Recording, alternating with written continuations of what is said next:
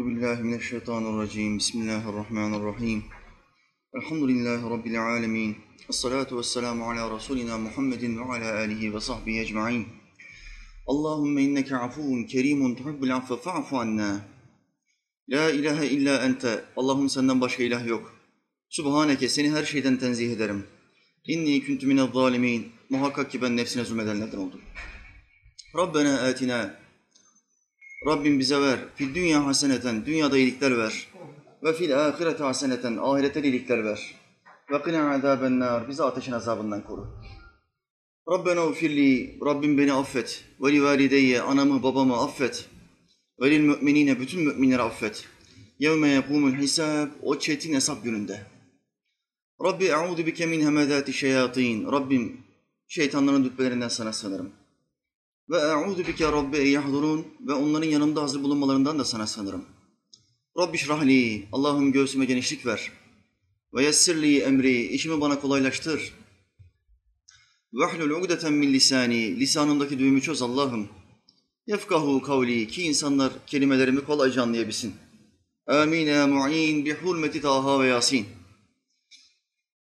Yerlerin ve göklerin sahibi olan Allah'ımız, o Allah ki Adem'in Allah'ı, Şiit'in, İdris'in ve Nuh'un Allah'ı, Hud'un ve Salih'in Allah'ı, İbrahim'in, Lut'un, İsmail'in Allah'ı, İshak'ın, Yakub'un ve Yusuf'un Allah'ı, Eyyub'un Allah'ı, Şuayb'ın, Musa'nın ve Harun'un Allah'ı, Davud'un, Süleyman'ın, İlyas'ın ve Elyasa'nın Allah'ı, Yunus'un, Zekeriya'nın, Yahya'nın ve İsa'nın Allah'ı ve adı dört kitapta ölmüş olan Efendimiz Ahmet'in Allah'ı. Sallallahu aleyhi ve sellem Allah'ın bütün peygamberlerine salat ve selam olsun. Mevla Teala Hazretleri şu meclisimize o peygamberlerin ruhaniyetini getirsin, göndersin. Bize hayır dua etsinler. Amin ya mu'in. Mevla Teala Hazretleri Rum suresinin 55. ayeti kerimesinde mahşerden bir sahneyi bize betimliyor, resmediyor. Şimdi oradan bir şeyi anlatabilmek için bir, yaratıcı olman lazım. Yaratıcı değilsen yaratıcının gösterdiği olman lazım. Yaratıcı kim? Allah Teala. Mizanı, hesabı, mahşeri, dünyayı, ahireti, cenneti, cehennemi. Yaratıcı Allah'tır. Ama bir de bu Allah'ın elçileri var, peygamberleri var. Birçok insanın göremeyeceği, göremediği birçok şeyi Allah bu elçilerine vahiy yoluyla resim resim göstermiştir.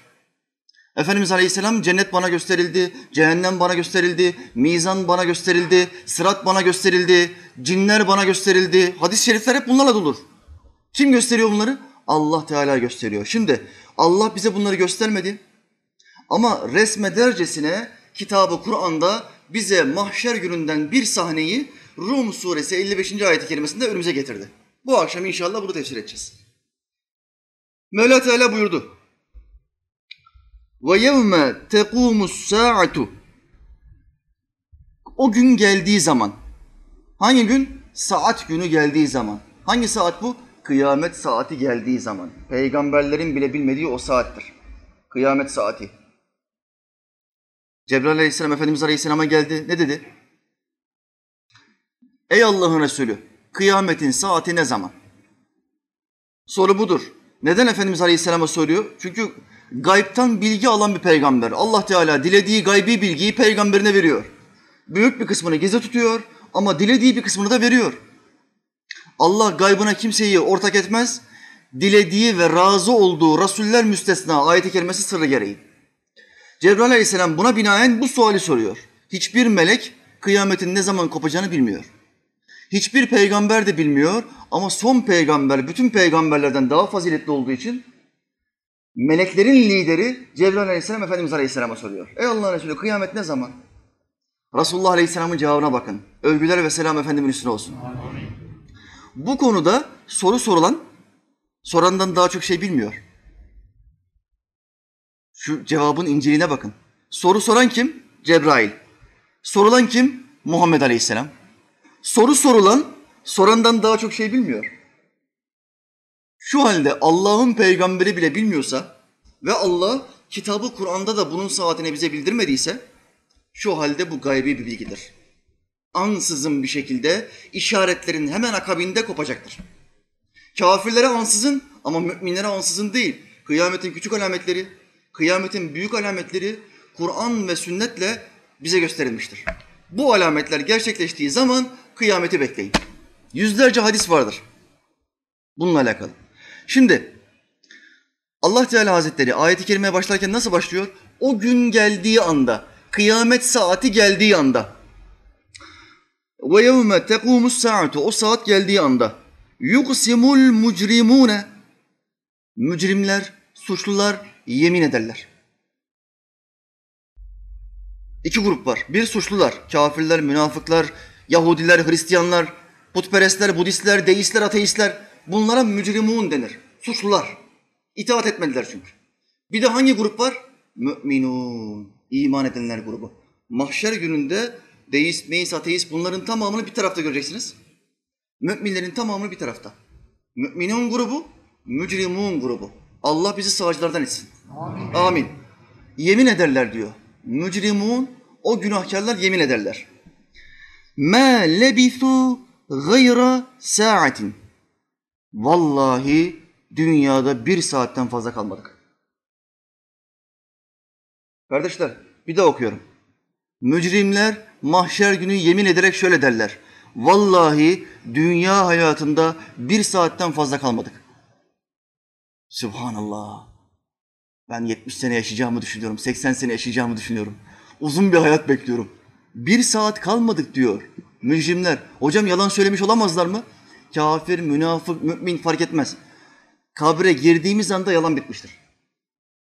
Şu andaki aklımızda olacağız. Şu andaki duygularımızda olacağız. Ama bir hakikat ortaya çıkacak. Yalan söyleyemeyeceğiz. Kendimizi zorlasak bile yalan söyleyemeyeceğiz. Hakikat neyse, içimizde gizlediğimiz, barındırdığımız mesele neyse ki onu Allah bilir. Bunu kabirle beraber itiraf edeceğiz. Yalan yok. Melekleri kandıramazsın. Allah'ı kandıramazsın. Mücrimler yemin ederek söylüyor. Vallahi bu dünya hayatında bir saatten fazla kalmadık. Devam ediyor ayet. Gayra saatin kezalike kanu yu'fekun. İşte onlar dünya hayatında böyle döndürülüyorlardı hakikatten. İşte böyle döndürülüyorlardı. Neyden döndürülüyorlar? Gerçekten, hakikatten. Hakikat nedir kardeşler? Dünya hayatı pek kısadır. Pek kısadır. Çok kısadır. Efendimiz Aleyhisselam'ın hadisiyle bunu hatırlayalım. Dünyada benim misalim şu adam gibidir. Bir adam uzun bir yere doğru seyahat ediyor, yoruluyor ve bir ağacın gölgesine oturup dinleniyor. Sonra yorgunluğu geçince gölgeden kalkıyor ve gideceği doğru yola devam ediyor. Gideceği yere doğru yürümeye devam ediyor. İşte dünya hayatı o gölgede durup dinlendiği an gibidir.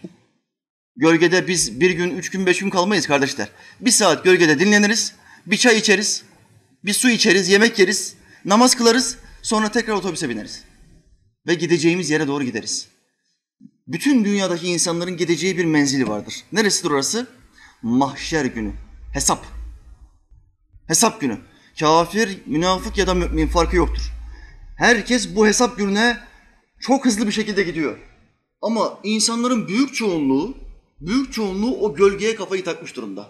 Öyle bir gölge buldum ki artık bu gölgeden, bu ağacın gölgesinden ayrılmam diyor. Benim evim bundan sonra bu ağaçtır, bu ağaç bana aittir. Bu gölge bana aittir diyor. Gölgede yaşayamazsın. Ağaç gölgesinde hayat olmaz. Kışı var, kurdu var, köpeği var, hırsızı var, arsızı var. Yağmur yağacak, evin yok, barkın yok. Gölgede yaşanmaz. Sen yaşanacak yere doğru gitmen lazım. Dünya hayatı o gölgeden ibarettir diyor. Efendimiz Aleyhisselam'ın şu verdiği misale bakın Allah aşkına kardeşler. İşte Allah Teala Hazretleri ayetiyle sabit ediyor ki bu dünyada kişi ne kadar uzun yaşarsa yaşasın bir tek kelime söyleyecek. Ben bir saatten fazla yaşamadım.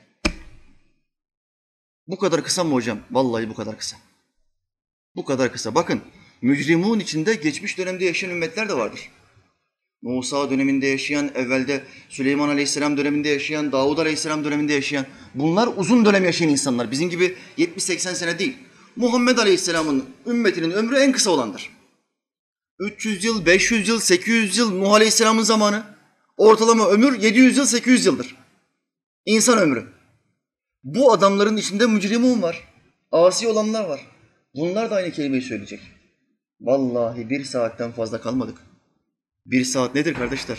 Bir saatiniz nerede geçmiyor? Bankada numarayı aldıktan kuyruk beklerken bir saatin geçiyor ya. Ne oldu bu kuyruk gitmiyor. Boyuna yeni adamlar alıyorsun abi diyorsun. Bankadaki o adama. Araya boyuna adam sıkıştırıyorsun. Şimdi bankaların özel müşterileri var kardeşler. Bunların özel kartları var. Sen orada yarım saattir bekliyorsun. Bu adam özel kartıyla bir geliyor, bir cız yapıyor orada. Tak bunun numarası orada yanıyor. Sen de oradan diyorsun ne yapıyorsun kardeşim kaynak yapıyorsunuz ya. Bu adamı niye alıyorsun? Bu adamın ne özelliği var? Diyorsun ama adamın özelliği var. Hesapta iki trilyon parası var. Sen sen her hafta oraya 100 TL yatırım yapıyorsun. Adamın hesapta 2 trilyonu duruyor. Senin planın şu, her hafta 100 TL yatırırsam bir sene içinde evlilik için ciddi bir birikim yaparım. Adam trilyonlarla oynuyor. Tabii ki o adamı bekletmemeye çalışıyor. Bir saatin orada geçiyor, orada. Hayat bu kadar kısa kardeşim. Sen neyine aldanıyorsun? Neyine kanıyorsun da hiç ölmeyecekmiş gibi dünyaya asılıyorsun? Allahü Teala Bismillahirrahmanirrahim.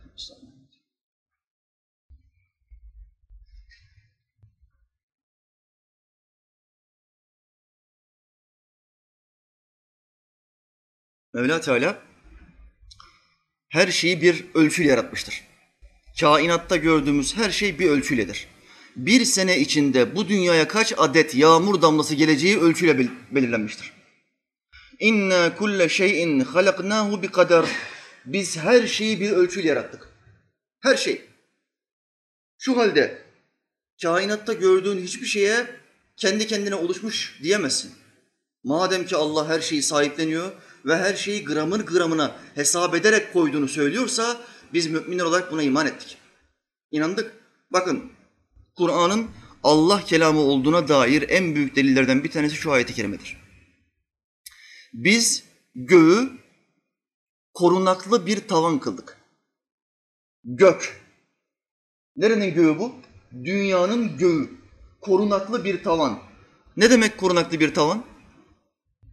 Allah dünyanın üzerine görünmeyen bir çizgi, bir perde çekmiş. Bir bir kalkan. Uzay filmlerini bilirsiniz kardeşler. Uzay filmlerinde klişe bir tabir vardır. Uzay gemisinin kalkanlarını açın, saldırıya uğrayacağız. Kalkanlar tabirini bilirsiniz değil mi?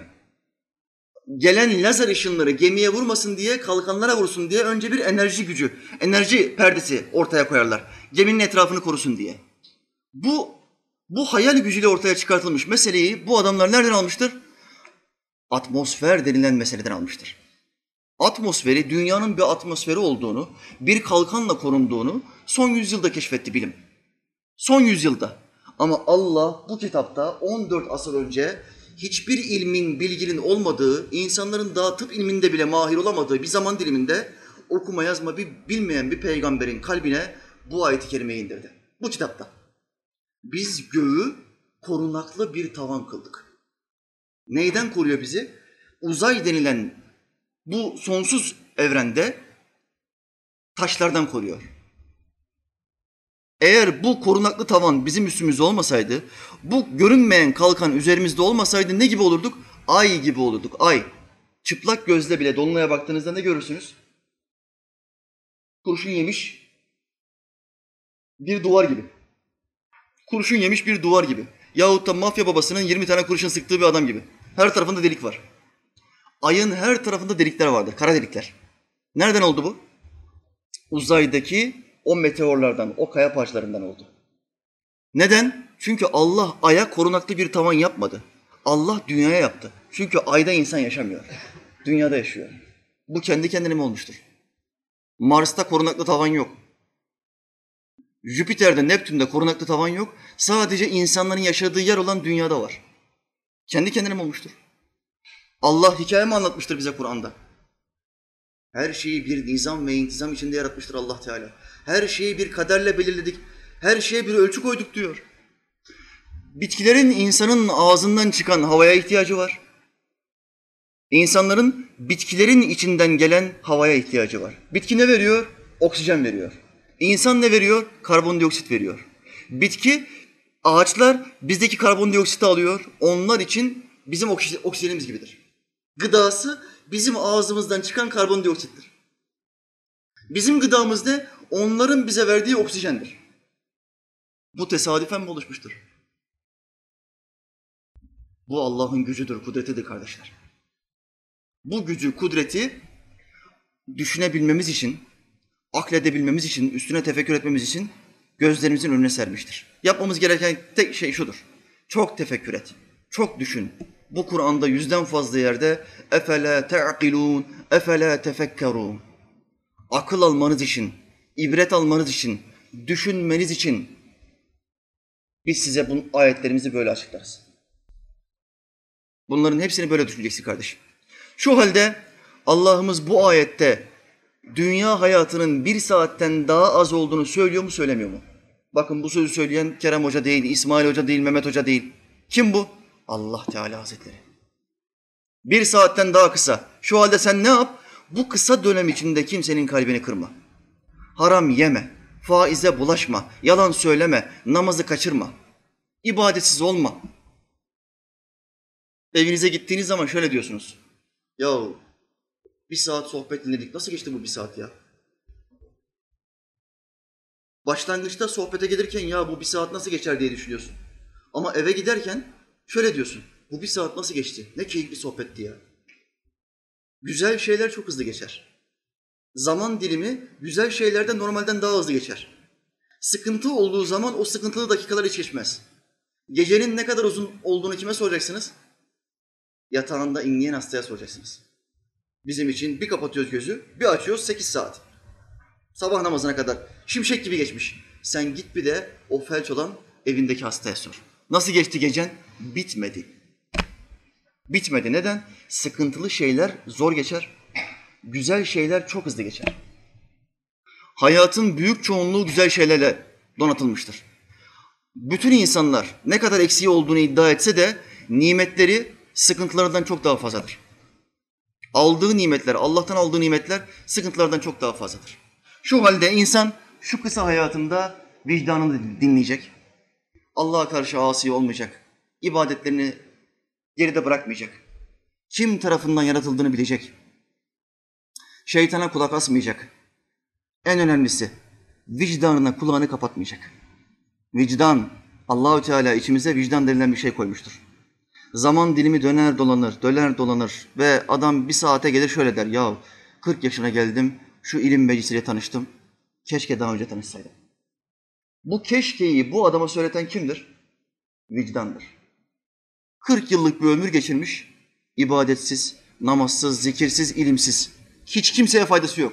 Sadece para kazanıyor, ev alıyor, araba alıyor, ailesine bakıyor. Ümmete hiçbir faydası yok. İslam'a, Allah'ın dinine hiçbir faydası yok. Sadece kendi için yaşayan bir adam. Ve adamın vicdanı harekete geçiyor. Şöyle diyor. Bugüne kadar Allah'ın dini için ne yaptın? Birçok arabanın sırtında, arkasında o yazıyı görürsünüz. Bugün Allah için ne yaptın? Ben namaz kıldım diyemezsiniz. Şeyhim derdi ki, namazın senin için, orucun senin için, zikrin senin için. Ey derviş, Allah için ne yaptın? Bana onu söyle. Ne yaptın Allah için? Allah'ın dininden bir tek hükmü bir adama öğretebildin mi? Bugün hiç kimseye bir şey öğretmedim hocam. Sohbetlerden, kitaplardan öğrendiğim bir bilgiyi kimseye vermedim. Bugünün boş geçti. Zarardasın. Zarardasın. Kâra geçmen için ne yapman lazım? Allah'ın dininden bir meseleyi bir kişiye ücretsiz bir şekilde öğretmen lazım. Tıpkı peygamberler gibi. Şu halde vicdan harekete geçer. Vicdan Allah'ın içimize verdiği bir ön mahkeme gibidir. Ön mahkeme. Bugüne kadar ne yaptım? Nasıl yaşadım? Geçmişimize, geçmişimize baktığımızda büyük çoğunluk vicdan azaplarıyla doludur. Yaptığım birçok şeyin yanlış olduğunu ileriye doğru idrak edersin ve dersin ki keşke bunu, keşke bunu böyle yapmasaydım. Keşke şunu şöyle yapmasaydım. Keşke o zamanı geri getirebilseydim de seçeneğimi böyle yapsaydım. Keşke, keşke, keşkeler bitmez. Üstad Necip Fazıl anlatıyor. Kız kardeşi 8 yaşında vefat etmiş. Tabuta koymuşlar. Allah acıların en büyüğünden bir tanesini yaşatıyor üstada. Anlatıyor. Kız kardeşim diyor bir gün bana geldi. Dedeciğim diyor bana bir sarı lira verdi. Sarı lira. Ben de kardeşim elinde bir elmayla bana geldi. Sarı lirayı ona gösterdim. Onu özendirmek istedim. Bana dedi ki abi yaşı on üstadım. Abi ben sana şu elmayı versem de sen bana o sarı lirayı versen. Çok istiyorum abi verir misin dedi. Ama bana dedi ki bir diş ısırık yaptım ama benim ısıracağımdan ne olur abi ben ufak bir kardeşim dedi diyor. Ben de ona dedim ki eğer elmayı bana verirsen ben de sana bu sarı lirayı veririm. Kardeşim bana elmayı verdi. Ben de ona sarı lirayı verdim. Ve iş tokuşu yaptım diyor. Fakat şimdi geriye dönüp bakıyorum da hayatımdaki ilk büyük vicdan azabı işte budur diyor. Bakın burada bir, bir günah yok. Burada bir yalan da yok. Burada sadece kardeşiyle bir latif, latif, latifeleşme var.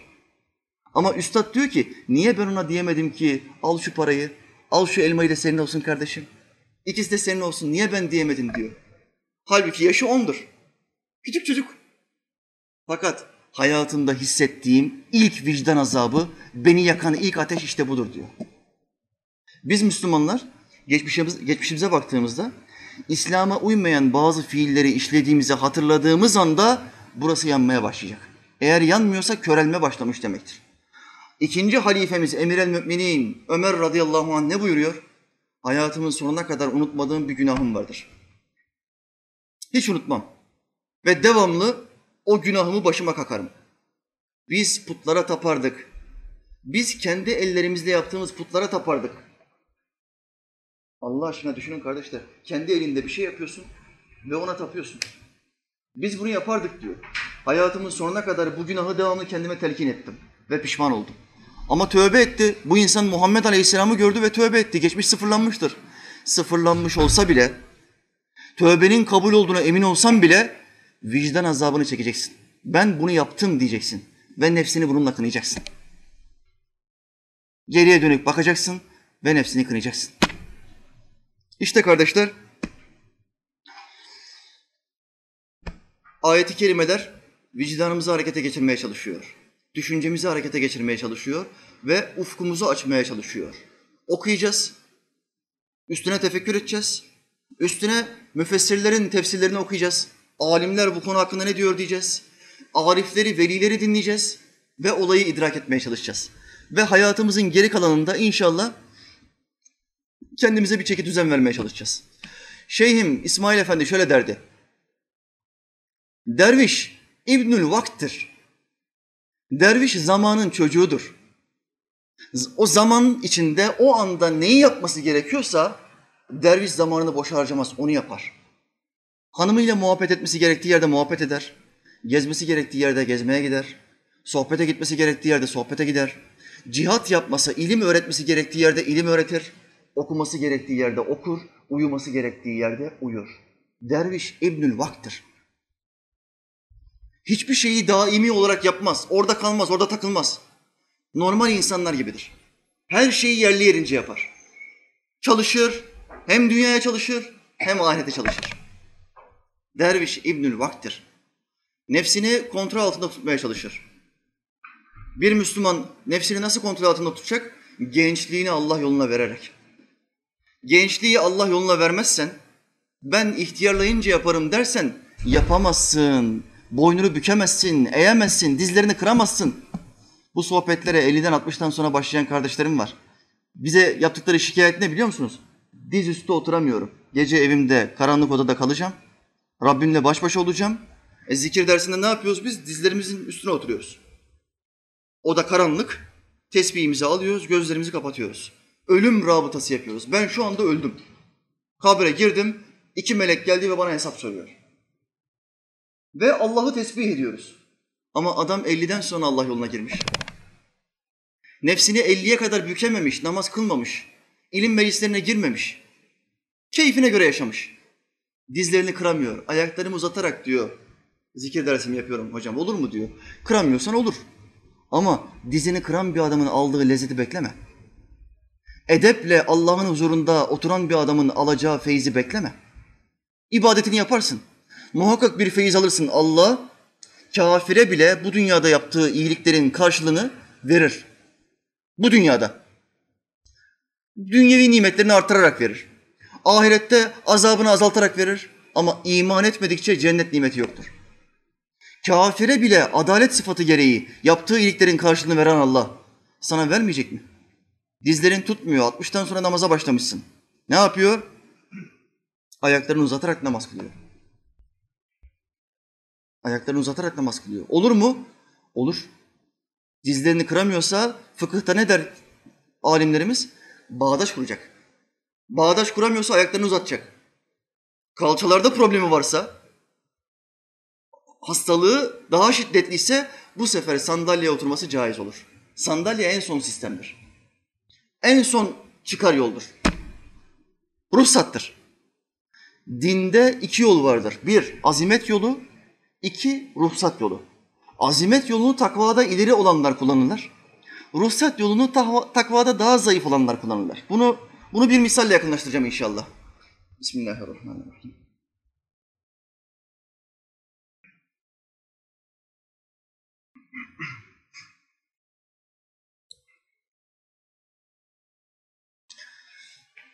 İslam tarihinde bir sahabi vardır. Anası ilk şehit olan sahabi.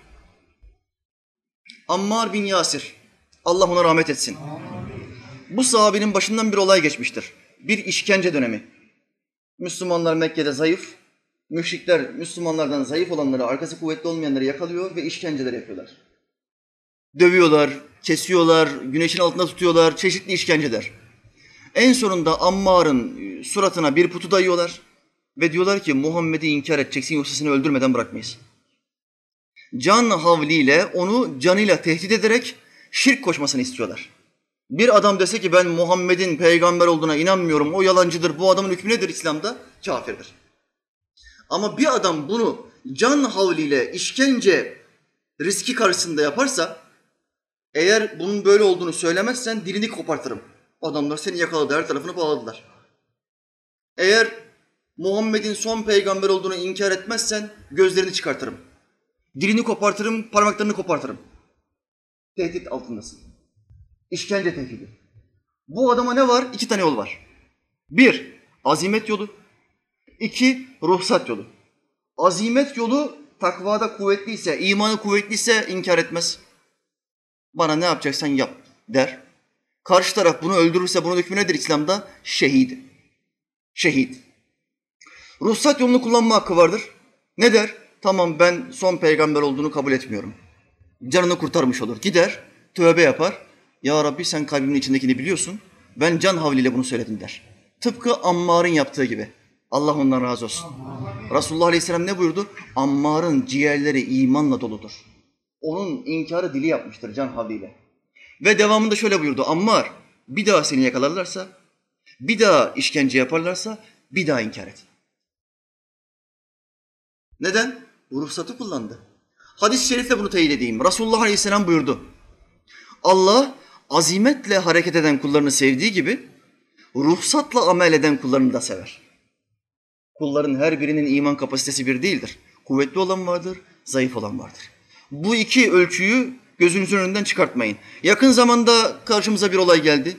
Sosyal medyada bu videoyu ben birkaç defa seyrettim. Birkaç kardeşim göndermiş.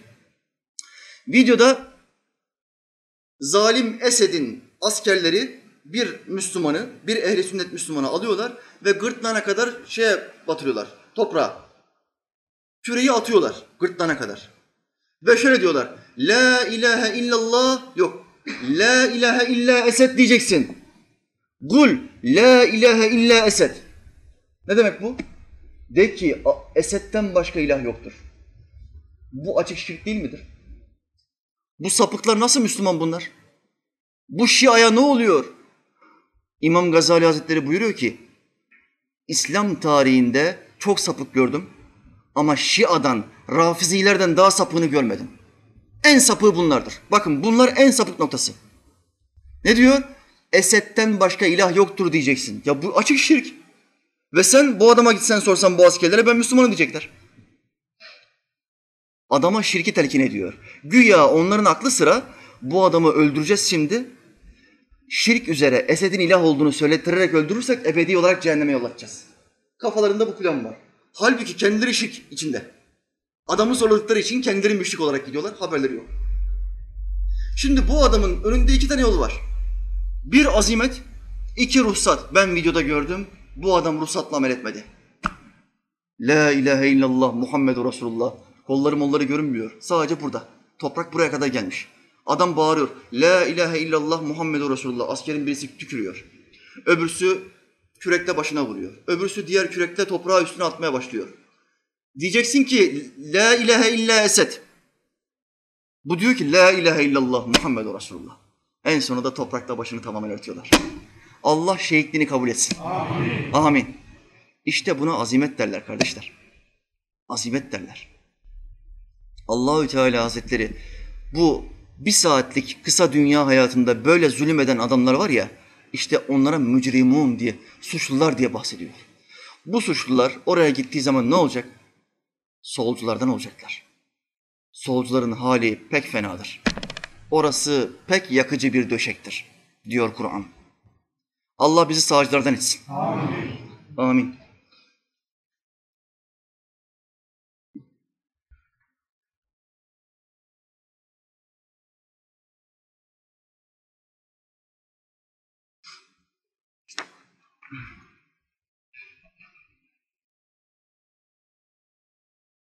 Kardeşler, Ebu Hanife Hazretleri, mezhep imamımız şöyle der. Kişi nefsiyle mücadeleyi gençlik yıllarında yapmak zorundadır. Eğer gençliğinde bu mücadeleyi yapmazsa, ihtiyarlığa geldiğinde başlarsa nefsinin gölgesinde yatar ve uyur. Nefsi ona daimi olarak tahakkuk eder, tahakküm eder. Hüküm kimde olur? Nefiste olur. Gençliğini Allah yoluna vermen lazım. Kuvvetli olduğun dönemde daha fazla ibadetle, zikirle ve ilimle onu terbiye etmen lazım. Bu terbiyeyi yapamazsan hüküm onun eline geçer. Bunu bir hadis-i şerifte teyit edeceğim. Resulullah Aleyhisselam buyurdu. Şeytan 40 yaşına gelip de Allah'a doğru yönünü çevirmemiş bir adam hakkında şöyle der. Artık bana aitsin. Yaş limiti olarak Resulullah kimi bu? Kaç dedi? 40. 40. Bak 40'a kadar bir adam Allah yoluna döndü döndü. 40'tan sonra iş çok zordur. Şeytan artık onu sahipleniyor. Bir olan şeytan adedi daha fazla sayıya çıkıyor. Ve üstüne tahakküm ediyor. Hüküm şeytanın eline geçiyor. Ve daha kolay bir şekilde günah işlemeye başlıyor. Namaz ona daha zor geliyor. İçki kolaylaştırılıyor, zina kolaylaştırılıyor. Allah zina eden gence buğz eder. Allah zina eden ihtiyara çok daha fazla buğz eder. Halifemiz Ömer'in sözüdür radıyallahu anh. Zina eden genç, şehvet miktarı ihtiyardan çok daha fazla. Allah bu adama buğz eder çünkü ben zinayı haram kıldım. Ama zina eden ihtiyara çok daha fazla buğz eder. Neden? Bu kendisi istiyor. Kendisi aranıyor. Şehveti genç kadar olmamasına rağmen alışmış kudurmuştan beterdir kaidesi gereği devamlı yapmak istiyor. Allah bu adama çok daha fazla buğz eder. Böyle bir ihtiyar olmamak için ne yapacaksın? Gençliğini Allah yoluna vereceksin. Meşakkatli midir? Allah yolu meşakkatlidir. Mevla Teala Hazretleri kitabında ne buyuruyor? Bizim yolumuzda cihad edenleri elbette yollarımıza eriştiririz. Bu ayet baştan sona tasavvufu anlatır. Bir kul Allah yoluna girer ve o yolda en büyük meseleyle, en büyük düşmanla cihad eder. Nedir o? Nefstir. En büyük düşman nefstir. Onunla cihad eder ve Allah ona binlerce kapı açar. Hikmet kapıları açar. Yüzlerce, binlerce sır açar. Hayatında rüya görmeyen adam rüyalar görmeye başlar. İbadetlerinde hep sıkıntı duyan adam zevk almaya başlar. İkindi vakti gelse de bir namaz kılsam, bir rahatlasam, bir keyiflensem ya. Yatsıyı kılayım da peşinden zikir dersimi yapayım. Rabbimle baş başa kalayım. Zikir dersi demek bir saatini Allah'a vermek demektir. Tövbe, rabıta, zikir, peşinden bütün ümmete dua bir saat. Bir saatini keyfinden alıyorsun ve Allah'a veriyorsun ve sen bunu iple çekiyorsun. Bir şeyler değişmiş demektir kardeş. Şurada bir şeyler değişmiş demektir. Velilerin piri, 12 hak tarikattan ilki hangisidir? Abdülkadir Geylani Hazretleri'nin piri olduğu Kadiri tarikatıdır. Allah ona rahmet etsin. Amin. Hanbeli mezhebi alimidir. Aynı zamanda bir hadis alimi. Mübarek zat şöyle diyor. Bizim yolumuz çok dikenlidir. Ayağını seven gelmesin. İnsan bir kişiyi kendi memleketine, kendi yoluna davet ederken böyle bir davet şekli seçer mi? Bizim buralar çok güzeldi kardeşim. Farklı beldelerde oturan kardeşlerimiz var. Bizi yazlıklarına davet ediyorlar. Hocam hafta sonu şuraya gel, hocam buraya gel. Nasıl anlatıyorlar mekanlarını? Cennet gibi. Bize bu daveti yaparken şöyle deseler olur mu? Hocam her taraf dikenlik. Kargalar uyutmuyor. Gece sivrisinek baskını var. Çok rahat edeceğiz emin olacağım. Böyle bir davet olur mu? Olmaz zaten hocanın gelecek vakti yok. Bu davete hiç gelmez. Abdülkadir Geylani Hazretleri nasıl davet yapıyor? Bizim yolumuz dikenlidir kardeşler. Ayağını seven gelmesin. Ne demek istiyor mübarek? Allah yolun meşakkatle kurulur. Bu dünyada o bir saatlik zaman dilimi içinde, o kısa anda Allah için bazı meşakkatlere katlanacaksın. Şunu da söyleyeyim. Sana meşakkat geliyor da kafire gelmiyor değil. Onlara da geliyor. Sana meşakkat geliyor da ateiste, deiste, budiste, putpereste gelmiyor değil. Onlara da geliyor. Bizim farkımız bu.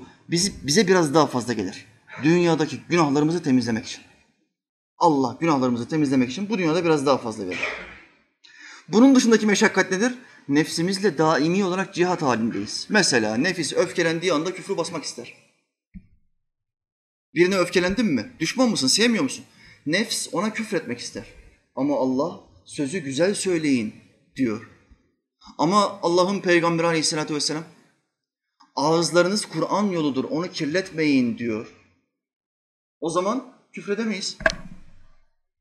Küfür haramdır, yasaktır. Bu nefisle mücadele değil midir? Nefisle cihat değil midir?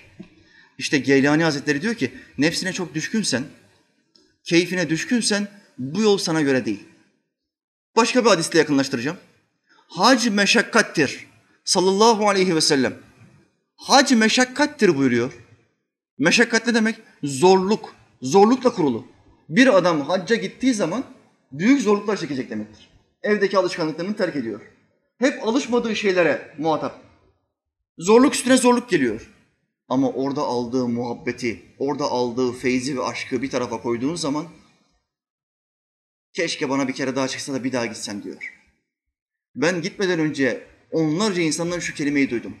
Ne bu Araplara para yediriyorsunuz ya? Anlamıyorum beş defa on defa giden insanları ya. Bir kere git gel. Zaten bir sürü para veriyorsun bir de zorlukları var. Bunu diyen onlarca adama şahit oldum. Hepsi de gitti ve bir sene sonra Umre'ye gitti.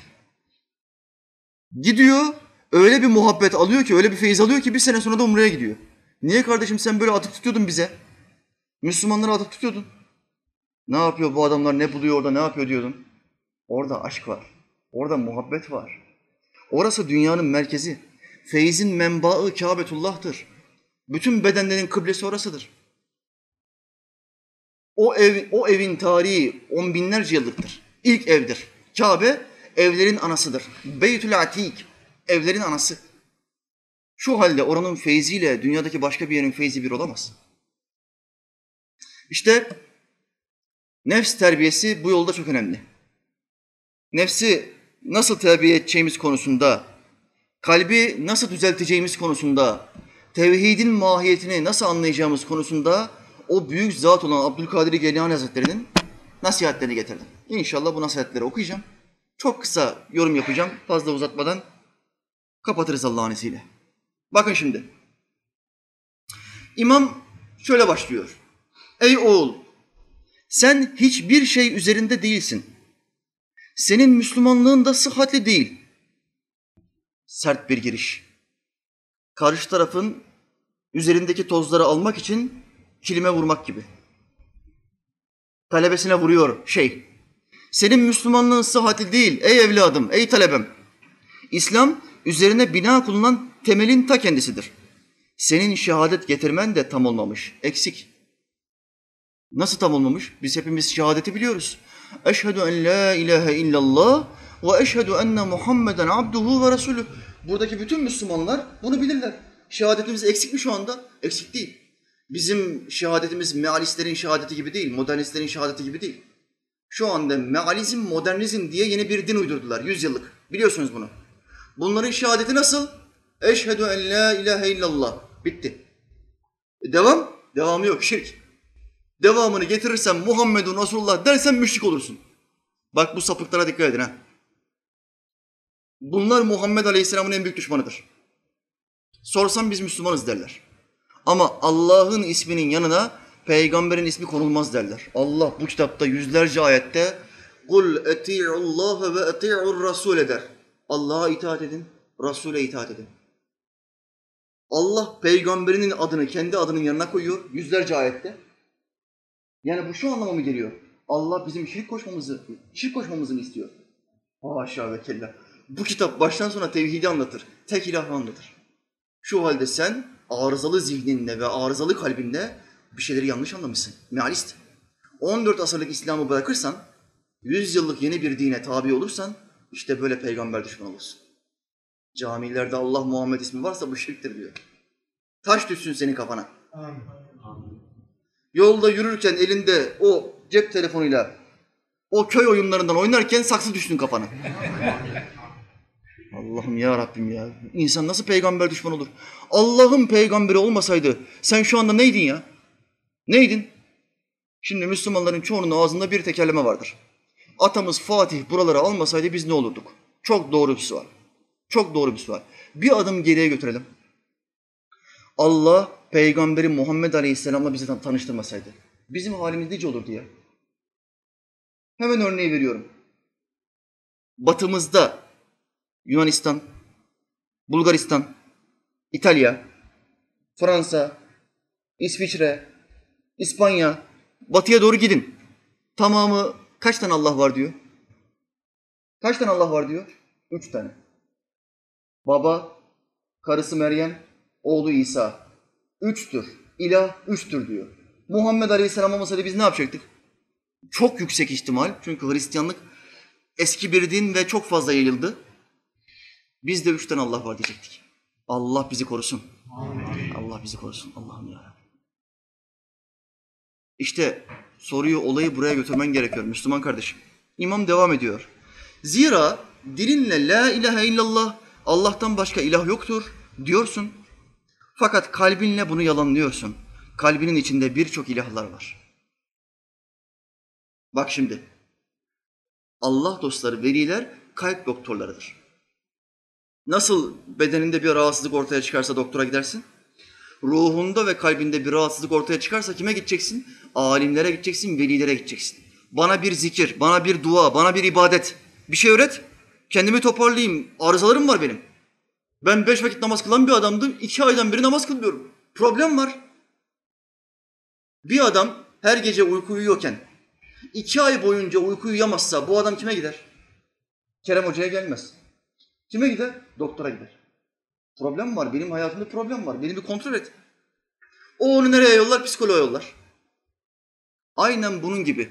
Hayatında yıllar boyunca namaz kılmış bir adam bir şey oluyor ve aylar boyunca namazı bırakıyor. Bu adamın kime gitmesi lazım? Dünyanın en mütehassıs doktoruna gitse hiçbir ilaç kar etmez.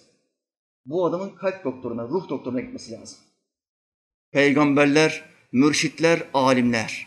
Kalp doktorudur, ruh doktorudur. Bak şimdi kalp doktoruna bak. Sen dilinle la ilahe illallah diyorsun. Kalbinde tek olan ilahtan başka bir sürü ilah var diyor. La ilahe, hiçbir ilah yoktur dediğin zaman bununla toptan bir reddi, nefi onaylıyorsun. Her şeyi inkar ediyorum. İlah namına her şeyi inkar ediyorum demektir. La ilahe. Burada ateistlerle aynıyız. Çünkü onlar da ilah yoktur diyor. Biz de ilah yoktur diyoruz. İllallah ancak Allah vardır dediğin zaman ise yine Allah için toptan bir kabulü, ispatı ona onaylamış oluyorsun. Bizi ateistlerden ayıran fark ne oluyor? La ilahe illallah. İlahların tamamını reddettik. İllallah. Allah'tan başka. Burada toptan bir ispat var. Görmüş gibi iman ettik ki o ilah var. Bu durumda her ne zaman kalbin haktan gayrı bir şeye dayanır, güvenirse o zaman yukarıdaki külli ispatında yalancı durumuna düşmüş, yani kendi kendini yalanlamış oluyorsun. Kendisine dayanıp güvendiğin o şey de senin ilahın olmuş oluyor. Gerçek ve fiili durum budur. Zahire itibar yoktur. Şimdi sen demiyor musun oğlumu şu okula yazdıracağım da bir tanıdık var onunla bu işi çözersem inşallah olur. Demiyor musun bunu? Diyorsun. Kime güvendin? İnsana güvendin. Ankara'da bir tanıdığım var. Tayinimi isteyeceğim. O bana aracı olur. Dedin. Kime güvendin? İnsana güvendin. Kime güvenmen lazımdı? Allah'a güvenecektin. En evvel Allah'tan isteyeceksin. Allah'a güveneceksin. Bunlar aracılardır, vesilelerdir. Vesile demek şirk demek değildir. Ama aracıyı ilahın önüne koyduğun zaman ne oluyor? Ondan istemiş oluyorsun. Ondan istemeyeceksin. Sen Allah'tan isteyeceksin. Ona ne diyeceksin? Böyle bir işim var. Ben de bu işe ehil olduğumu düşünüyorum. Geçmişim, background'um budur. Aracı kardeş, şu işe bana bir yardımcı olur musun? Ben de Rabbime dua edeceğim. İnşallah hakkım hayırlısıysa bu iş olsun. İşte bu normal olandır. Ancak bunu yapmadığın zaman ilk isteğin, istediğin zat Allah olmadığı zaman ne oluyor? Aracıyı ilahlaştırmış oluyorsun. Bu büyük sıkıntıdır. Şimdi türbelere giden bir sürü insanlar var. Türbeye gitmek, kabre gitmek, dua etmek, Kur'an okumak caiz midir? Caizdir. Ancak bir yere kadar. Neresi o? Türbedeki yatan zattan dünyaya dair herhangi bir şey istersen bu şirk demektir. Mesela, ey Merkez Efendi Hazretleri, Merkez Efendi Camii bizim oradadır. Karşısına geçtik. Fatiha'mızı okuduk. Resulullah Aleyhisselam'ın yaptığı gibi salavat-ı şerifleri, İhlas-ı şerifleri de okuduk. Bir Fatiha, on bir İhlas-ı şerif okudu Efendimiz Aleyhisselam. Okuduk. Peşinden ne yaptık? Bu duaların sevabını Efendimiz Aleyhisselam'dan aşağı doğru bütün sahabelere bağışladık. Bütün geçmişlerimize bağışladık. Peşinden ne geldi? İstek zamanı. Dualarımızı bağışladık. Kur'an'ımızı da okuduk. Peşinden bir şeyler isteyeceğiz. Kimden isteyeceğiz? Burada tevhid ehli ne yapar? Allah'ım senden şunu istiyorum. Allah'ım bana bunu ver. Şirk ehli ne yapar? Ey Merkez Efendi Hazretleri kızım evlenecek. Kızıma hayırlı bir kısmet ver. Ne oldu bu? Açık şirktir. Kimden istemesi lazımdı? Allah'tan istemesi lazımdı. Ancak şunu diyebilir. Allah'ım burada yatan güzel sevdiğin kulun hürmetine, bu merkez Musa Musli'ddin hürmetine benim kızıma hayırlı bir kısmet ver. Şimdi kimden istedi? Allah'tan istedi. Kimi vesile kıldı? Buna İslam'da tevessül denir. Orada yatan zatı vesile kıldı. Allah'ım sen bunu seviyorsun. Duası makbul bir kul, etrafında binlerce mümin var çünkü. İşaret belli. Bu sevdiğin kulun hürmetine benim kızıma hayırlı bir kısmet var. İşte bu caiz olandır. Diğeri nedir? Ey Merkez Efendi Hazretleri bana bir Murat 124. ne oldu? Şirk oldu. Açık şirk. Hayır kardeşim. Allah'ın kulundan dünyaya dair bir şey istemeyeceksin. Manevi olarak dua istersin. Yardım istersin. Beni nefsime bırakma. Bana hayır dua et. Nazarını, himmetini üstümden eksik etme. Bu manevi isteklerdir. Ruhlar ölümsüzdür. Bedenler kabirde ama ruhlar ölümsüzdür. Hele ki müminlerin ruhları, alimlerin ve şehitlerin ruhları dirilere yardım eder. Bu manevi durum, manevi yardım istenebilir. Ama dünyaya dair bir yardım istemek şirktir. Buna dikkat edeceğiz kardeşler. Kalbinde birçok ilah varken sen nasıl la ilahe illallah diyebilirsin? Allah'tan başa güvenip dayandığın her şey senin putundur. Kalbinde şirk yani ortak koşma bulunduğu müddetçe dilinle kelime-i tevhidi söylemen sana fayda vermez. Kalp pis oldukça bedenin temiz olması sana yarar sağlamaz. Resulullah Aleyhisselam hadis-i şerifte buyurmuyor mu? Mahşer gününe gittiğinizde Allah sizin mallarınıza, evlatlarınıza ve bedenlerinizin, elbiselerinizin temizliğine bakmaz. Ancak kalplerinize bakar. Neremize bakıyormuş? Kalbimize. Senin dışın istediğin kadar temiz olsun. Kalbini temizlemedikçe, zikirle, ibadetle ve ilimle temizlemedikçe Allah sana buz eder.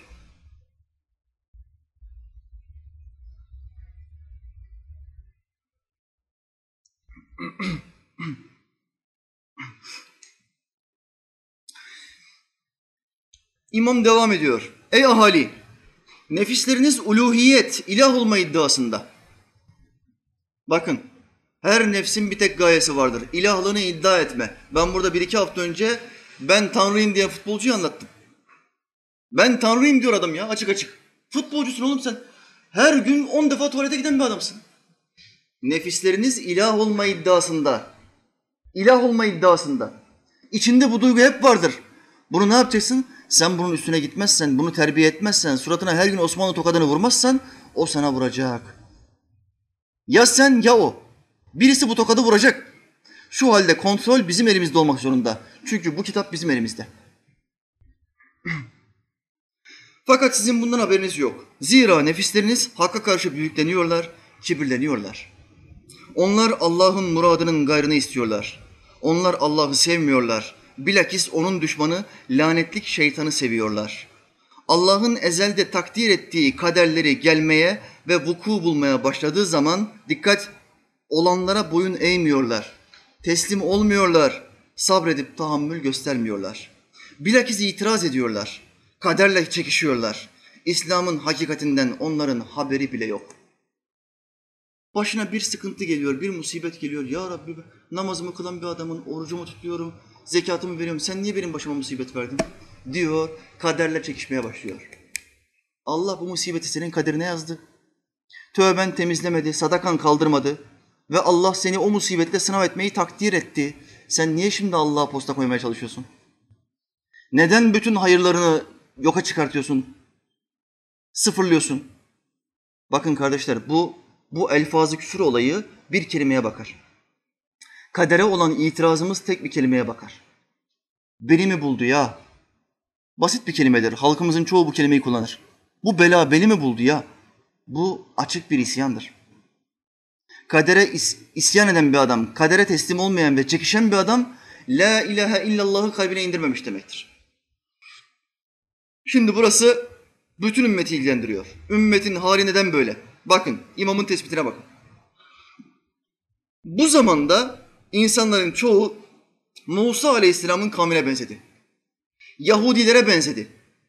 Onlar altın buzağı kendilerine mabut, tanrı edinmişlerdi, ilah edinmişlerdi. Bu zamanın insanının altın buzağısı da paradır. Parayı kendine ilah edinmişsin, Rab edinmişsin, paraya tapıyorsun. Senin Allah'ın para olmuş. Resulullah Aleyhisselam ne buyurdu? İmam 6. asırda geldi. Abdülkadir Geylani Hazretleri. Resulullah Aleyhisselam 6 asır önce ne buyurdu?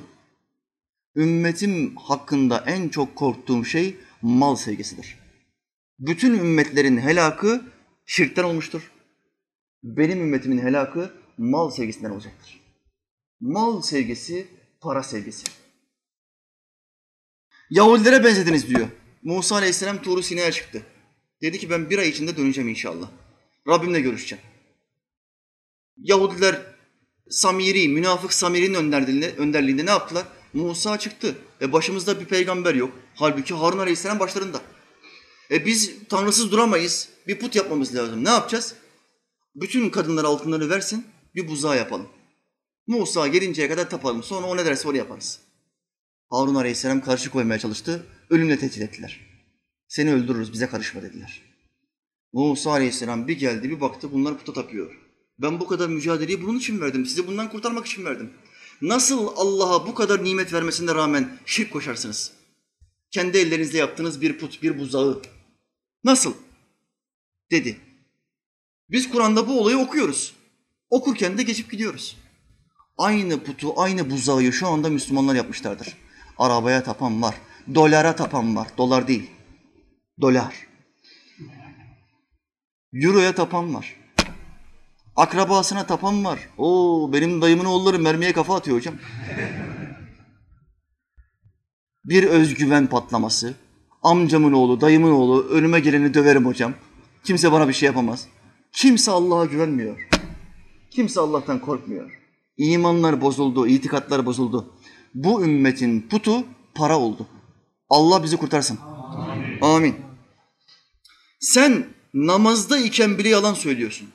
Ya bu sözlerin her biri birer tokat mesabesinde. İmamın attığı birer tokat. Mesela namaza dururken ve gene namaz sırasında Allahu Ekber, Allah her şeyden büyüktür diyorsun. Böylece yalan söylemiş oluyorsun. Çünkü senin kalbinde Allah'tan başka bir ilah vardır. Kendisine güvenip bağlandığın her şey senin ilahındır, mabudundur. Kendisinden korktuğun ve kendisine ümit beslediğin her şey senin ilahındır, taptığındır. Kendisinde Allah'tan başka bir şey bulunduğu müddetçe senin kalbin için kurtuluş yoktur. Eğer sen taşlar üzerinde Allah'a bin yıl secde etsen, değil mi ki kalbinle ondan başkasına yöneliyorsun? Sana bu secdeler hiçbir fayda vermez. Mevlasından başkasını sever oldukça o kalp için iyi bir akibet yoktur. Allah'tan başka her şeyi kalbinden yok etmedikçe saadete eremez, bahtiyar olamazsın. Son paragraf, şu hususu iyi bil ki bütün eşya sadece Allah'ın hareket ettirmesiyle hareket eder. Durdurmasıyla durur. Şimdi imam tokatları vurdu, vurdu, vurdu. Şimdi kalpteki bu pisliği nasıl kaldıracağız? Kalbe tevhidi nasıl indireceğiz? Tespiti ortaya koyuyor. Doktor şimdi reçeteyi veriyor. Şu hususu iyi bil ki bütün eşya sadece Allah'ın hareket ettirmesiyle hareket eder, durdurmasıyla durur. Kendi kendine olan bir şey var mı? Yok. Eşşemsu vel kameru bi husban. Güneş ve ay bir hesab ile akıp gitmektedir. Kimin hesap kimin, kimin hesabı bu? Benim yaptığım bir hesab ile. Allah her şeyi bir kaderle, bir ölçüyle, bir hesab ile noktası noktasına oturtmuştur. Onun iradesi ve kuvveti olmadan ne duran bir şey harekete geçebilir ne de hareket etmekte olan bir şey durabilir. O güvendiklerin, o dayandıkların Allah müsaade etmedikçe sana hiçbir faydada bulunamazlar.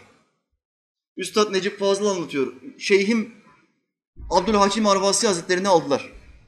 O dönem solcuların başta olduğu dönem bütün şeyhleri, bütün velileri alıyorlar. Bizim şeyhimiz İsmail Efendi'yi de 80 gün içeriye aldılar. 80 derviş ile beraber. Sebep ne? Şey, İslam'ı anlatan herkes devletin düşmanıdır. Hemen içeriye alıyorlar, korkutmaya çalışıyorlar. Cemaatini dağıt, kimseye İslam'a dair bir şey anlatma. Çünkü biz yeni bir akım getirmek istiyoruz. Dinsizlik dini. Dinsizlik dini. Komünizm de çökmek üzere. Bu yüzden biz ne yapalım? Avrupa'ya da, Avrupa Hristiyanlık, Hristiyanlık üzerinde biz ne yapalım? Yeni bir din, dinsizlik dini. Bu milletin dini olmasın. Laiklik diye bir şey bulalım. Böyle bir hayat sürsün, yeni bir nesil gelsin. Plan buydu, tutturamadılar. Allah tuzaklarını başlarına çevirdi. Bu planları yapanlar bir saatlik kısa dünya hayatında taklaya gitti. Şu anda hepsi hesap veriyor.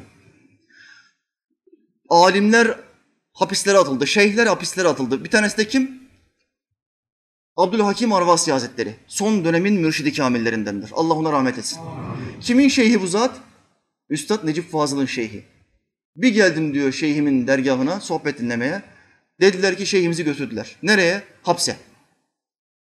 Necip Fazıl da devlet ricali tarafından tanınan bir insan. Yazıları, şiirleri, ülkenin en büyük şairlerinden bir tanesi bir handikapı var Müslüman. Müslüman olmazsan çok fazla öne çıkarılmıyorsun. Komünist olsaydı Nazım Hikmet gibi tavana çıkartırlardı. Benim Allah'ım Stalin deseydi Necip Fazıl, Nazım Hikmet ne dedi? Benim Allah'ım Stalin'dir. Öbür tarafta Stalin seni kurtarsın şimdi. Necip Fazıl ne dedi? Allah'tan başka ilah yoktur.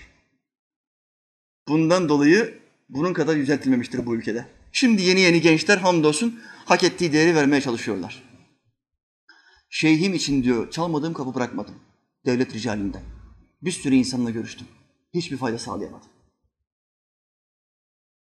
Şimdi imam diyor ki Allah her şeyi olduran ve her şeyi durdurandır. O durdurmadıkça ya da başlatmadıkça hiçbir şey harekete geçemez. Şu halde sen kime dayanırsan dayan, kime güvenirsen güven. Allah'a güvenmedikçe sana bir fayda sağlayamayacaktır. Şu tespite bakar mısın ya? Şu bilgiyi kalbimize indirdiğimiz anda bütün putlar yıkılacaktır. Allah bize yardım etsin. Amin.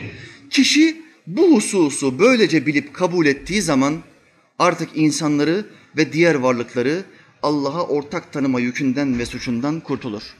Allah'a şirk koşmaz. Abdülkadir Gelani, Allah ona rahmet etsin. İşte bunların her biri birer altın nasihat hükmündedir. Allah Teala idrak etmeyi, yaşamayı nasip etsin. Amin. Amin. Ayetin kalan kısmını bitireyim. Kezalike kanu yufekun. Onlar dünyada haktan işte böyle döndürülüyorlardı. Çok uzun gibi gösteriliyordu. Şeytan onlara dünya hayatını çok uzun, bitip tükenmek bilmeyen bir zaman dilimi olarak gösteriyordu. Halbuki aldatıyordu. Halbuki kandırıyordu. Gerçekte dünya hayatı çok kısaydı. Bu kısayı şeytan bir ilizyonla, bir el çabukluğuyla uzun bir zaman dilimi olarak gösterdiği için onlar dediler ki uzun bir hayatımız var.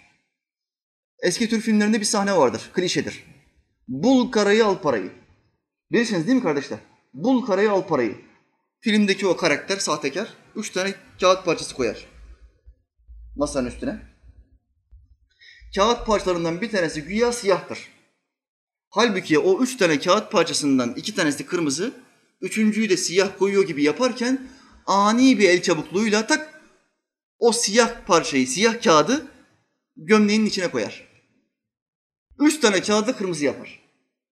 Şimdi karşısındaki adama der ki bul karayı al parayı, bul karayı al parayı. Karşıdaki adam der ki dur. Üç tane kağıt var. İhtimal kaç? Yüzde 33.3. Bulma ihtimali. Bulursa bu ihtimal içinde iki misli para kazanır. Buna kumar denir İslam'da. Şimdi adam güya orada bir tane siyah var gibi diyor ki bul karayı al parayı, bul karayı al parayı diyor. Kağıtları boyuna döndürüyor. Bu da diyor ki dur bu. O bir açıyor tak kırmızı. Bulamadın kardeş diyor. Daha dikkatli bak diyor. Bak bir daha yapacağım diyor. Halbuki siyah kağıt bu tarafta. Bu boyuna kağıtları çeviriyor. Bul karayı al parayı. Şimdi şeytan Müslümanlara yapıyor bul karayı al parayı. Bulacaksın diyor. Bulacaksın. Ebedi hayatı bulacaksın. Hiç korkma diyor. Ben sana ebedi hayatı vereceğim diyor. Korkma. Bul karayı al parayı diyor. Bul karayı al parayı. Boyuna çeviriyor. Müslüman da diyor ki tamam be 60'tan sonra başlarız be. Hacca da giderim.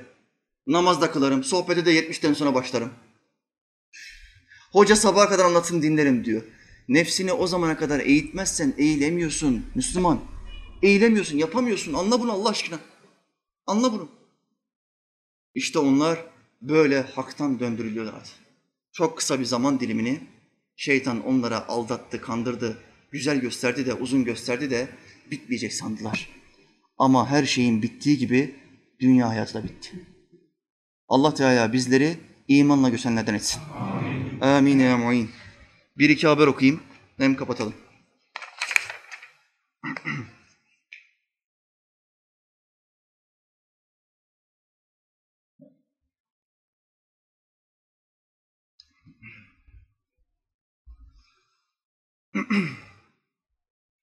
Öldürülen kadın teröristin babası.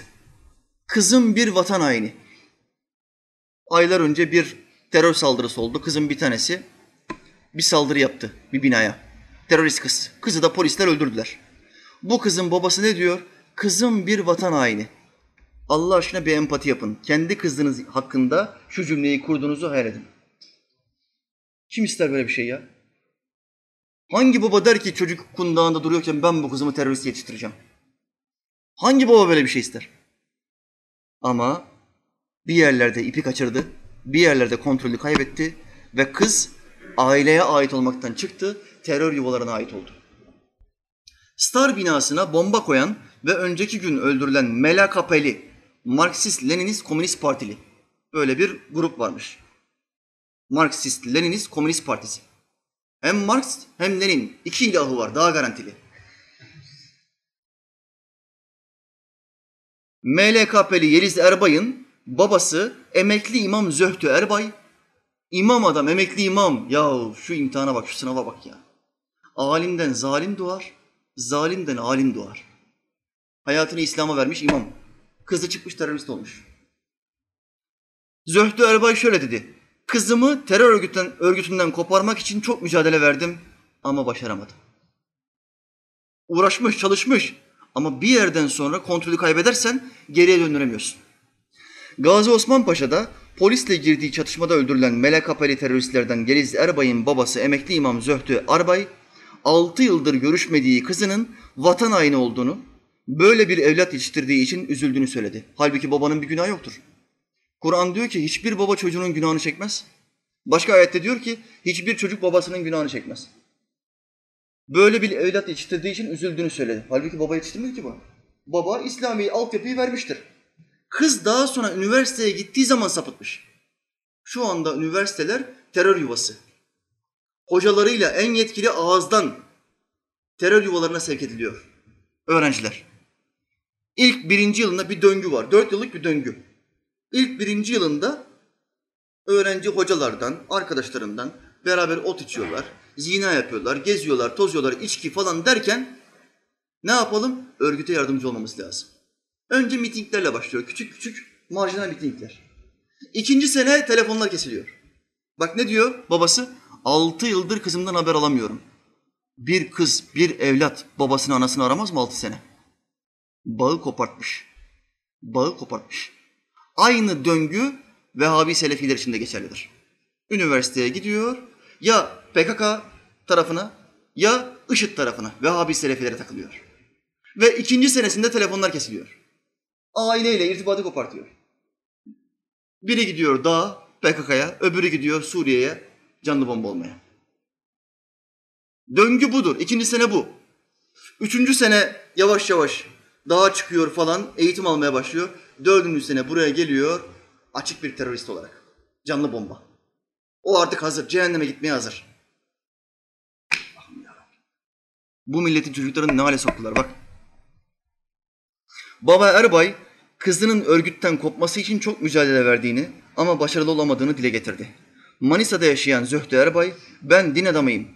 Almanya'da uzun, uzun yıllar imamlık yaptım. Bizim dinimiz hoşgörü dinidir. Dinimizde böyle bir şey yoktur. Beş çocuk yetiştirdim. Beş tane çocuk yetiştirmiş. Vatanına, milletine faydalı olsun diye üniversite okuttum. Yeliz'i de hainlik yapması için büyütmedim. Ülkesine bağlı bir evlat olmasını istedim. O hainlik yaptı. Nedir bu askere polise silah atmak, vatanına ihanet etmek nedir? Hepsini lanetliyorum. Terörü de, terör örgütlerinde diye konuştu. Ailelere de seslenen Baba Erbay, çocuklarınıza sahip çıkın. Bu tür terör örgütlerinin eline geçmesine engel olun. Böyle bir evlat yetiştirdiğim için çok ama çok üzgünüm. Allah sana sabır versin abiciğim. Amin. Amin. Bunun gibi şikayette bulunan, bu imam abimiz gibi şikayette bulunan yüzlerce aile vardır. Kızımı kaçırdılar, oğlumu kaçırdılar. Ne yapıyor? Bazı kitaplar veriyor, ücretsiz. Ya sen ona dini kitapları vereceksin, ya komünist gelecek, faşist gelecek, ücretsiz kitapları verecek. Okuyacak, okuyacak, etkilenecek. Ortamın rahatlığından da dolayı ne yapacak? Vatanına, milletine sırtını dönecek, daha gidecek.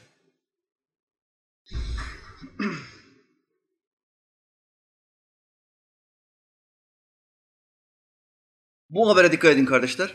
Etrafınızda kandırılan böyle yüzlerce insan var. Kandırılmamaları için bu haberi her tarafta aile bireylerinize izletin rica ediyorum. Sahte Hızır Fatiha'yı okuyamadı. Ülkemizde sahte Hızırlar var, sahte Veysel Karaniler var. Şimdi okuyacağım hikaye sahte Hızır'ın hikayesi. Ama bu Hızır biraz garip, Fatiha okumasını bilmiyor. Allah aşkına iyi dinleyin. Kendisini Hızır Aleyhisselam olarak tanıtan ve bir vatandaşı dolandırmak isterken yakalanan sanık duruşmada Fatiha suresini okuyamadı. Demek ki hakim uyanık. Demiş ki oku bakayım Fatiha'yı. Bana şimdi gelse hangi mealist gelse bana, hangi mezhepsiz reformist gelse diyorum ki bana bir yarım sayfa Kur'an okur musun? Bir Fatiha oku bana be. Bunlar Kur'an'la uzaktan yakından alakası yok. Tek derdi var İslam'ı yıkmak. Kur'an'ın adını kullanıyor. Bir Fatiha okusa okuyuş tarzından kalitesini anlarım. Kur'an'la ne kadar aşırı neşir olmuş. Hemen anlarım. Bir video gösterdiler. Abdülaziz Bayındır'ın müritlerinden bir tanesi video çekmiş. İmsakta, Ramazan'da imsakta ezan okunduktan bir saat sonra caminin kapısında açmış yemek yiyor bu. Parodi yapmışlar. Karşı tarafına bir tane Sofi geliyor. Güya onların adamı. Bayındır'ın müritlerinden. Şimdi Sofi buna diyor ki ne yapıyorsun kardeşim diyor. Ezan okudu diyor. Bir saat geçti ya. Bu kendinden emin bir şekilde yemeye devam ediyor. Boş onlar diyor ya. Onlar boş iş diyor. Ya kardeşim diyor ya. Daha gün aydınlanmadı ki diyor. Mezhepsiz, reformist. Yüzyıllık yeni bir din getirmiş. Cahil. Siyah iplik, beyaz iplik ayetinin tefsirini bir yerden okumamış. Allah'ın peygamberi ne buyuruyor? Hiç bakmamış. Bana göre böyle. Cahiller. Şimdi orada bu mealist Oradaki karşıdaki parodide oynayan Sofiye diyor ki Arapça biliyor musun kardeşim diyor. Hemen orada oylandım. Arapça biliyor musun diyor. Mealistlerin Arapçanın ağasına alakası yoktur. Karşıdaki de diyor ki evet biliyorum. Otur karşıma diyor. Şimdi sana ayet okuyacağım diyor. Ayetin önce Arapçasını okuyor. Kamyon asfalttan çıkıyor tarlaya giriyor. Biraz Kur'an okumuş bir adam, biraz tecvid bilen bir adam karşıdaki adamın sahtekar olup olmadığını hemen anlar. Hemen oradan çaktı. Arapça biliyor musun diye soran bir adam kalabalık kitleyi, kitleyi etkilesin diye Arapça biliyor musun diye soruyor başlangıçta. Hani kendisinin alim olduğu izlenimini vermek için. Sen bilmiyorsun daha Arapça. Sen daha Allah'ın ayetini okuyamıyorsun. Bir ayet okudu, üç tane hata yaptı. Yazıklar olsun ya. Bu milleti kandırmak bu kadar kolay mı ya? Karşıdaki de diyor ki evet biliyorum diyor, otur bakayım diyor. Ayeti okuyor. Ayette üç tane hata var. Arapça okumayı beceremiyor. Ne mahreci var, ne tecvidi var. Dümdüz gidiyor, dümdüz. Ayet böyle diyor. Bak diyor, çizgi var mı diyor yukarıda. Yok diyor. Demek ki yemeye devam edeceksin diyor. Ye diyor. Binlerce insanın orucunu yedirdiler. Binlerce insan. Cehalet böyle bir şey. Şimdi hakim buna sormuş. Fatiha oku bakayım. Hızır kitlenip kalmış. Kayseri birinci Ağır Ceza Mahkemesi'nde ya olayı da Kayseri, Kayseri'de yapıyor adam ya. Kayserileri biz uyanık biliriz ya. Bak şimdi adamı nasıl kandırmışlar. Ağır Ceza Mahkemesi'nde görülen davada tutuksuz sanık N.Ö. ve mağdur T.T. hazır bulundu. Tutuksuz sanık Hızır, sanık. Mağdur da T.T. İkisi de hazır. Sanık N.Ö. mahkemede sorgu ve savunmasında ben Talas'ta peçete kalem satarım. Bu amca gelip bana 5 TL verdi. Ben dilenci değilim diye kabul etmedim. Şimdi önce bir takva pozu satmış. Ben istemem 5 TL'yi, ben dilenci değilim. Kabul etmedim. Bana acıdı, yardım etmek istediğini söyledi. Adam merhametli, vicdanı var. Daha sonra bankaya gittik.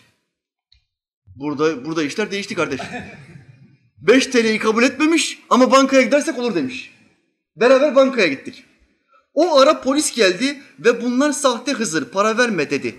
Kimseyi dolandırmadım ben diye konuştu. Demek ki sivil polisler falan orada etrafta dolanıyor. Bu gibi adamları gördüğü zaman oradaki kişiyi de ikaz ediyorlar, uyarıyorlar. Şu an Seyit Burhanettin Hazretleri yanımızda. Bir zatın ismini kullanmış burada, Hızır.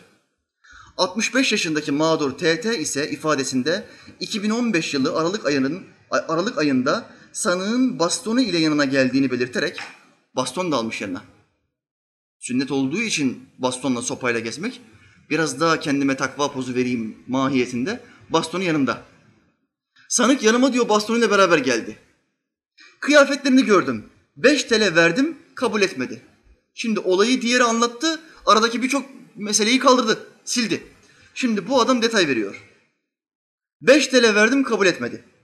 İyilik yapacaksan evimde tüp yok diyerek tüp parası ver dedi. Koca Hızır tüp alacak parası yok. Tüp kaç lira şu anda kardeşler? Şimdi bu ilahi gazlar geldi geleli bilmiyorum tüp fiyatlarını. Büyük tüp kaç lira? 70-80 mi? Bak şimdi 5 TL'yi almam ama 80 TL'yi alırım diyor. Tüp parası ver dedi. Ben de önce 50 TL verdim. Daha sonra bana Allah'ın sevgili kullarından olduğunu söyleyerek sen imtihanı kazandın. Allah rızası için cebindeki tüm paranı verir misin dedi. Bak şimdi 50 TL'yi verdim diyor. Sonra bana dedi ki tamam sen şimdi imtihan, imtihanı kazandın. Hadi bakalım bütün parayı bana ver. Ya, kazandın dedikten sonra normalde ne demesi lazım bunun? İmtihanı kazandın şimdi ödül alman lazım. Hızırsan sen bir ödül vermen lazım. Peşinden ikinci parayı istiyor. Bütün paraları istiyor. Senin buradan anlaman lazım sahtekar olduğunu. 135 TL cebimde vardı. Sözleri ile hep beni etkiledi. Ben de çıkarıp verdim. Evine bırakayım dedim. Kendisini Seyit Burhanettin Hazretleri türbesine bırakmamı istedi. Orada bir türbe varmış. Bu türbede çalışan bir adam belki de. Oraya geldiğimizde araçtan inmedi ve bana zaten o mübarek şu anda burada yanımızda dedi. Maneviyattan işaretler de biliyor karşı tarafın gözünü boyasın diye. Hiç araçtan inme. Duanı buradan yap zaten mübarek yanımızda ben görüyorum. Benim kalp gözüm açık imajını vermeye çalışıyor. Dini sahtekarlığına kılıf yapıyor. Bana Kur'an'dan bazı kıssaları öyle bir anlattı ki çok etkilendim. Bir anda benden istediği para 5300 TL'ye çıktı. Level atlamış. Level. 50, 170, 135, 5300. Devamlı level yükseliyor. 5300 TL'ye çıktı. Daha sonra bankaya gittim. Bankadan 5400 TL çektim. O sıra sivil bir polis yanıma gelerek beni uyardı. Polis parayı çektiğini görünce yanına gelmiş. Demek ki bu olaylar orada oluyor. Daha sonra sanığın yanına giden sivil polisler bu adamdan şikayetçi olmamı istediler. Kendisinden şikayetçiyim. Benim gibi kaç kişiyi istismar edecek? Hiçbir maddi zararım yoktur. Diye konuştu. Fatiha suresini okuyamadı. Mahkeme başkanı sanık N.Ö'ye dini bilgisinin olup olmadığını sorarak Fatiha suresini okumasını istedi. Sanık N.Ö. ise hakime dua bilmediğini söyledi. Ya insan Fatiha'yı bilmez mi ya? Bizim çocuklar 3-4 yaşına geldiğinde biz hemen Fatiha'yı öğretiriz. İlk öğrettiğimiz sure Fatiha'dır. Kur'an'ın özeti mahiyetindedir, giriş kapısıdır. Sonra kul huvallah, inna atayna. Adam Hızır olmuş Fatiha'yı bilmiyor. Subhanallah. Mahkeme heyeti yapılan yargılama sonucu sanık N.Ö.'ye dini inanç ve duyguların istismarı suretiyle dolandırıcılık suçundan 2 yıl 3 ay hapis, 3600 TL adli para cezası kitledi. Bir hapis, 2 sene 3 ay, bir de 3600 TL para cezasını Hızır'a vermişler. Şimdi Seyit Bürhanettin gelsin, bunu kurtarsın. Allah'ın dostunun ismini kullandığı için Seyit Bürhanettin'i tanımıyorum. Belki bir Allah dostudur. Bilmiyorum. O zatın ismini kullandığı için kul hakkına girmiş oldu. İstismarı bir velinin adını kullanarak yaptı. Kur'an'ın adını kullanma, peygamberimizin adını kullanma, velilerin adını kullanma ve dini buna alet etme ve insanları sömürme. Bunun vebali çok büyük, çok ağır. Bir adam bir piknik yerinde bir adamın ayakkabısını çalsa bu bir kul hakkıdır, bir günahtır. Ama aynı hırsız camiye gidip bir cemaatin ayakkabısını çalsa bu o günahtan on misli daha büyük bir günahtır. Adam oraya her şeyini teslim etmiş, Allah'ın evine gelmiş ibadet yapmaya. Ve sen Allah'ın evinde bu adamın ayakkabısını çalıyorsun. Günahın yapıldığı yer günahın miktarını arttırır. Allah Teala Hazretleri bu sahtekarları bu ümmetten kurtarsın. Amin. Bu ümmeti bu sahtekarlardan uzak tutsun. Amin. Son nefesimize geldiğimizde şehadetle göçmeyi bize nasip etsin. Amin. Aranan hazinenin yolunu gösterdim sana. Belki sen kavuşursun, biz varamadık sana. Velhamdülillahi Rabbil alemin. El Fatiha.